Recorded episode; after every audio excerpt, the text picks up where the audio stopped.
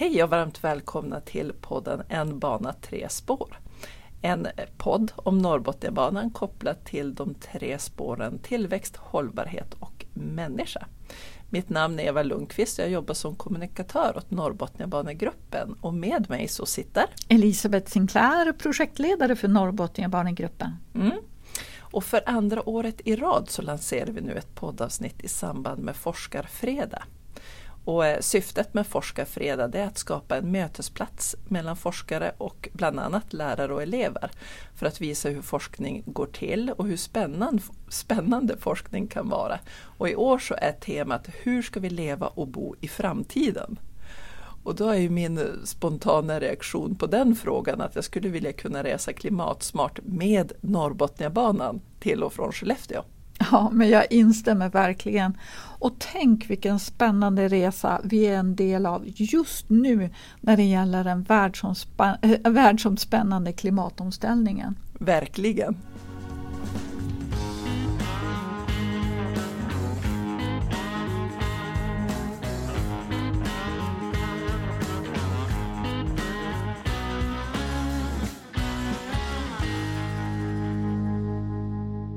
Att fler människor får möjlighet att resa fossilfritt är ju en förutsättning för att skapa hållbara städer och samhällen i framtiden. Och på tal om just hållbara städer och samhällen så tänker jag på att det är ju faktiskt ett av FNs 17 globala mål, nummer 11. Ja men så är det. Och det är ju så här att FNs medlemsländer tog ju fram en vad ska man kalla det, en universell agenda 2015 för en hållbar utveckling som innehåller som du säger 17 globala mål som ska uppnås till år 2030. Mm. Och tänk ni som lyssnar nu, ni är verkligen mitt i alltihop det som händer nu. Och de globala målen har i sin tur 169 delmål och drygt 230 globala indikatorer för hur arbetet ska genomföras och följas upp. Och indikatorer kan ju låta lite krångligt men det är ju liksom en, en, en, ett sätt att tala om att det här ska, ska ni kunna se utav ert arbete. De globala målen och Agenda 2030 det är faktiskt det mest ambitiösa överenskommelsen för en hållbar utveckling som världens ledare någonsin har antagit. Mm. Och det är ju inte så där att man går och tänker på de här globala målen i sin vardag direkt. Särskilt inte kanske för oss i Sverige som har det så otroligt bra ur ett globalt perspektiv. Ja. Men jag tänker om vi utgår från Norrbotniabanan. För Norrbotniabanan kommer att skapa positiva effekter som på olika sätt är med och bidrar till, till ett, ja, eller flera mål egentligen ska kunna uppfyllas. Och då tänker jag exempelvis på det fjärde globala målet som har ett delmål som heter lika tillgång till yrkesutbildning och högre utbildning av god kvalitet. Hur tänker vi att Norrbotniabanan dockar an till den? Ja, men alltså oavsett var du kommer att finnas längs eh, Norrbotniabanans sträckning så kommer du att kunna nå ett av de tre universiteten på under eh, 45 minuter. Och eh, nu blir kanske en del jätteintresserade av vilka tre universitet. Jag, även jag tänkte, är det inte två? ja, LTU och Umeå universitet, eh, det känner vi ju till. Men vi ska också komma ihåg att eh, Sveriges längsta universitet håller till i Umeå, alltså SLU då, Sveriges lantbruksuniversitet Aha. som det kallades förut. Okay. Men, men det är ju så att med Norrbotniabanan så halveras restiderna då, inte minst då till universiteten. Det här kommer ju att eh, underlätta då möjligheterna till studier men också företagens kompetensförsörjning och egen kompetensutveckling och kommer att underlättas. Och det här är ju också ett steg mot en ökad jämställdhet som är faktiskt det femte målet. Ja, precis. Och sen så tänker jag på det här som jag nämnde tidigare, att Norrbotten har koppling till hållbara städer och samhällen. Just med att man tillgäng, tillgängliggör hållbara transporter för alla. Och eh, i Piteå och Skellefteå exempelvis så, så kan vi ju inte åka hållbart med tåg från stadskärnorna idag. Mm. Och detta är ju trots att, att dessa två städer ligger längs ett mycket tätt befolkat kuststråk. Ja, först kan vi ju konstatera att, att över 60 procent av befolkningen i Norrbotten, Norrbotten och Västerbotten bor längs kusten. Mm. Men, eh, och här finns ju inte ett enda järnvägsspår mellan Umeå och Luleå som knyter samman orterna. Men i en två mil bred remsa från kusten inåt landet mellan de här städerna, mellan Umeå och Luleå då, så eh, har vi Sveriges mest tätbefolkade region efter storstadslänen Stockholm och Malmö. Mm. I samma vad ska jag säga, storlek som Västra Götalands eh, befolkningstäthet. Men som sagt, här finns inte ett enda spår. medan jag ändå pratar om det så, så vill jag vara noga med att poängtera att Norrbotniabanan är inte bara en satsning på kuststråket. Men däremot så genom att satsa på den här snabba transporterna längs kusten så kommer vi också få möjlighet att eh, så att säga trycka turistströmmar inåt landet. Forskning visar på att utflyttningen från eh, inlandet kommer att få lägre fart så att säga. Så att jag ser att det här kommer att komma mycket gott ut för, även för kusten och för inlandet. Sen tänker jag också på det här att man oftast tänker om norra Sverige att, att det inte bor så mycket folk. Så det är ju lite en aha-upplevelse att vi är så tätbefolkade. Men vi gillar, vi gillar att klustra ihop oss längs kusten. Ja, vi gillar varandra. ja, precis. Sen har vi så extremt stora län. Det ryms väl tio Skåne i Norrbotten till exempel. Ja, och Västerbotten är lika stort som Danmark. Ja. Alltså man blir lite stolt. Sådär. Precis, alltså det, det, är nästan landsstorlekar på ja. våra län. Sen är ju Norrbotten även en förutsättning måste jag säga för en hållbar industri i norra Sverige. Och eh, då har vi kopplingen till delmålet som heter 9.2 skapa hållbara och motståndskraftiga och inkluderande infrastrukturer. Det där var svårt att säga. precis. Det man kan säga det är att basindustrin i norr hos oss är ju centrala i arbetet för att minska koldioxidutsläppen. Och, och, för att möjliggöra den här storskaliga och miljövänliga utvecklingen i basindustrin då behövs det en modern kustjärnväg som ger ökad kapacitet både för godstrafik men också för persontrafik. Ja, det vi ser då det är ju då att um, vi kan minska kostnaderna för godstransporterna med 30 procent genom att bygga Norrbotniabanan som ger mycket större då kapacitet. Genom att vi får ju en dubbelspårsfunktion med stambanan genom övre Norrland och så Norrbotniabanan som går längs eh, kusten.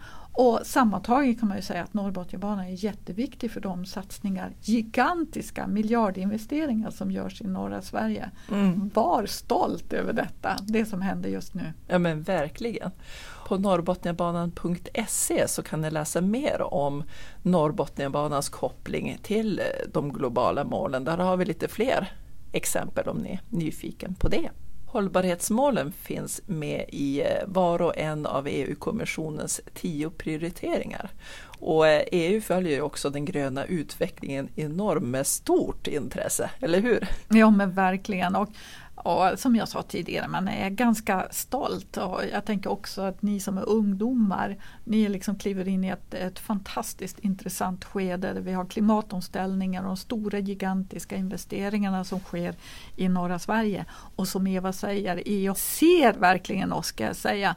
Och EU-kommissionens ordförande Ursula von der Leyen, hon, hon sa i ett, ett tal i mars Eh, så, så var det som att hon pekade med hela handen norrut på de stora omställningarna som sker här uppe. Och då sa hon, titta bara norrut, till exempel till Sverige.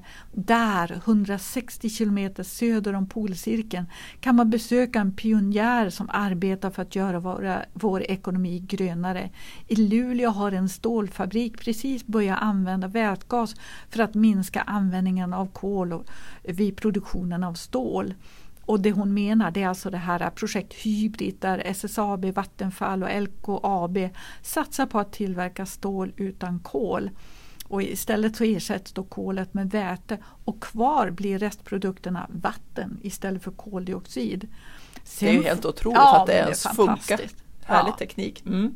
Sen fortsatte Ursula och så nämnde hon H2 Green Steel i Boden och konstaterade att stålindustrin idag svarar för upp till 9% av de globala utsläppen och att, att de här företagen måste och vill få ner sina koldioxidavtryck till noll genom att använda då ren vätgas med vattenånga som enda eh, biprodukt. Och det här är ju fantastiskt roligt för H2 Green Steel är ju, jobbar ju på samma sätt då som Hybrid att ersätta då kolet med med vätgas. Ja, men alltså, det är ju jätteroligt med allt det här berömmet och det känns verkligen så att vi går i fronten på de här klimatomställningarna.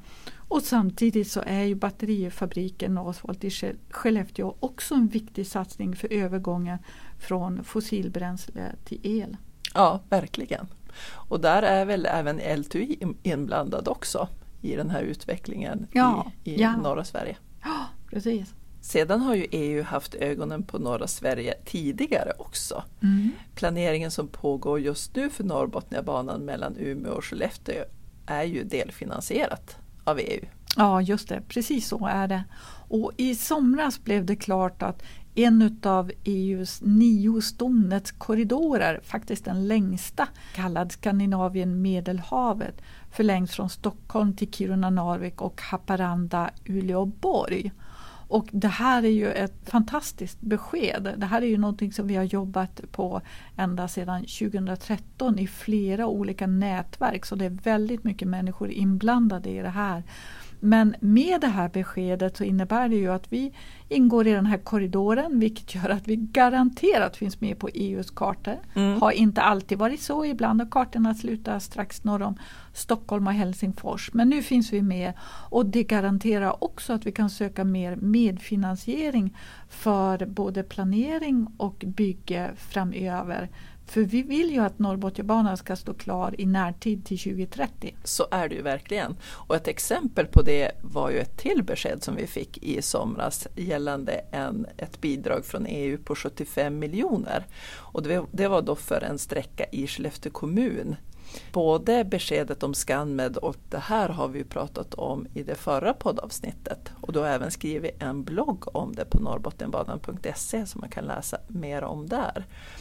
Och eh, jag tänker de här bidragen som nu har, kommer och har kommit från EU är ju väldigt välkomna eftersom Sverige är i stort behov av mer järnväg.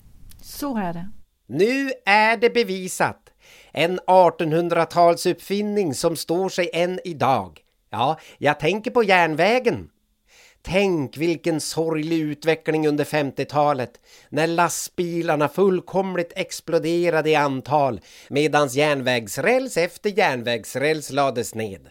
Snacka om en framtidsspaning som gick snett. Men nu kommer det att satsa stort på järnvägen. Elisabeth och Eva säger att det finns pengar att söka i EU och det är bra. Men jag har ännu bättre finansieringsförslag. Ja, jag har legat sömnlös hela natten. Tänk att få vara beskyddare av svensk järnväg. Ja, att få vara fadder till en meter järnväg för en slant. Vad sägs om det? Alltså i Sverige finns 156 000 meter järnväg. Om alla betalade 100 kronor för en meter järnväg, och vem skulle inte göra det? Så skulle vi få ihop, få se nu, eh, 15 miljoner 600 000 kronor. Himmel och pannkaka så mycket pengar. Men sen... Vänta nu. Om alla nappar på detta, Sveriges alla 10,4 miljoner invånare, räcker inte järnvägen till. Så det får bli först till kvarn. Skynda fynda gott folk!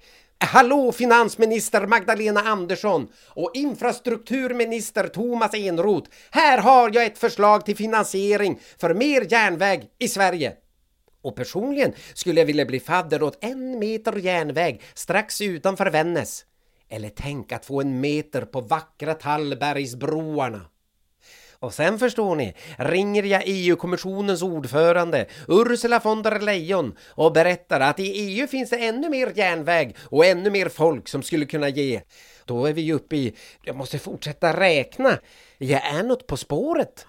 Ja, vilken eh, järnvägsstump skulle du vilja bli fadder för Elisabeth? Alltså jag skulle gärna vilja investera i en meter på Norrbotniabanan. Ja, Valfri sträcka. Ja men där spelar det inte så stor roll faktiskt. Exakt. Någon, exakt. Någonstans längs Norrbot Norrbotniabanan tänker jag för vår del.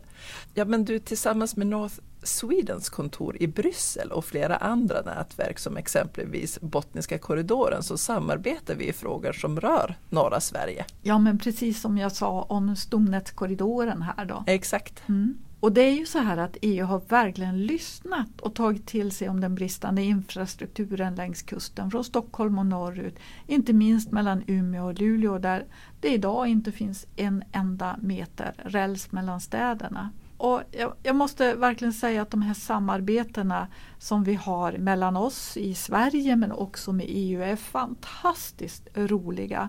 Och ha detta i baktanke för framtiden nu när ni är liksom ska välja era vägar framåt när det gäller jobb och studier och allt möjligt.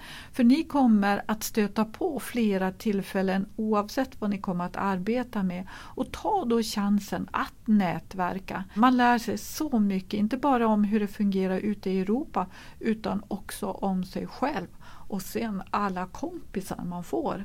Ja men verkligen. Sen kan jag ju tipsa om att varje termin så tar North Sweden i Bryssel emot två praktikanter som kanske är då i slutet eller just avslutat sina studier inom områden som är relevanta för EUs och regionens verksamhetsområden. Ta och besök deras webbplats om ni tycker att det låter intressant och vi kommer att lägga upp en eh, länk till dem också i, i bloggen som du kommer skriva sen. Sen så är det ju även rekordstort intresse att bli lokförare just nu. Det tycker jag är superkul. Ja men verkligen. Vi ser ju också då liksom att det är en hel del piloter som omskolar sig till lokförare så på grund av då pandemin. Så att det är ju ett väldigt drag när det gäller lokförare. Men glöm inte bort att det behövs otroligt mycket kompetens när det gäller att bygga järnväg, planera och bygga järnväg och eh, med allt vad som kommer runt omkring där. Så Mm. det finns ett sug efter folk när det gäller då järnvägssektorn. Ja, och även då forskning kopplat till järnvägsfrågor. Jajamensan. Det här året har ju EU ett extra fokus på järnvägen också i och med att det är European Year of Rail 2021. Ja, just det. Just nu så rullar ju tåget The Connecting Europe Express som startade i Lissabon den 2 september och kör genom hela Europa för att bland annat stanna till i Stockholm i oktober. Och det här European Year of Rail arrangeras ju av EU och det här görs ju för att EUs transportministrar när de möts ska hitta vägar framåt för att på olika sätt påskynda en övergång till järnvägen. Spännande!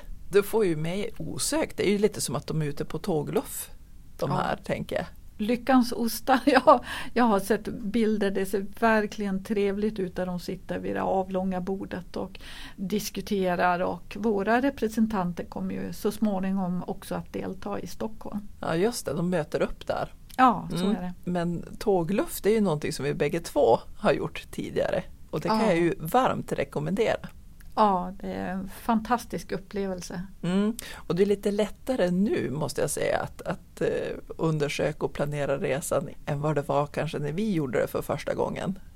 Ja, alltså jag kan ju säga att första gången var det ju väldigt tung ryggsäck och man fick ju hålla på och kasta allt eftersom Mm. för att det blev för tungt. Men man får inte heller ha för lite. Det kan ju vara på någon eh, järnvägsstation man behöver sova en stund och då kan det ju vara skönt att ha något att eh, bre över sig. Precis, jag vet vi hade med oss lite större kataloger, alltså både kopplat till olika vandrarhem ute i Europa men även tågtidtabeller hade man med sig fysiskt då. Mm. Nu kan man ju ha allt sånt i, i mobilen Mm. och även kolla upp mycket mer innan resan. Men om vi ska skicka med lite, lite tips så kan det ju vara bra att fundera innan ungefär vilka länder man ska besöka för det finns olika typer av interrailpass och då vet man kanske vad man ska köpa så att man kan hålla ner kostnaden. Så.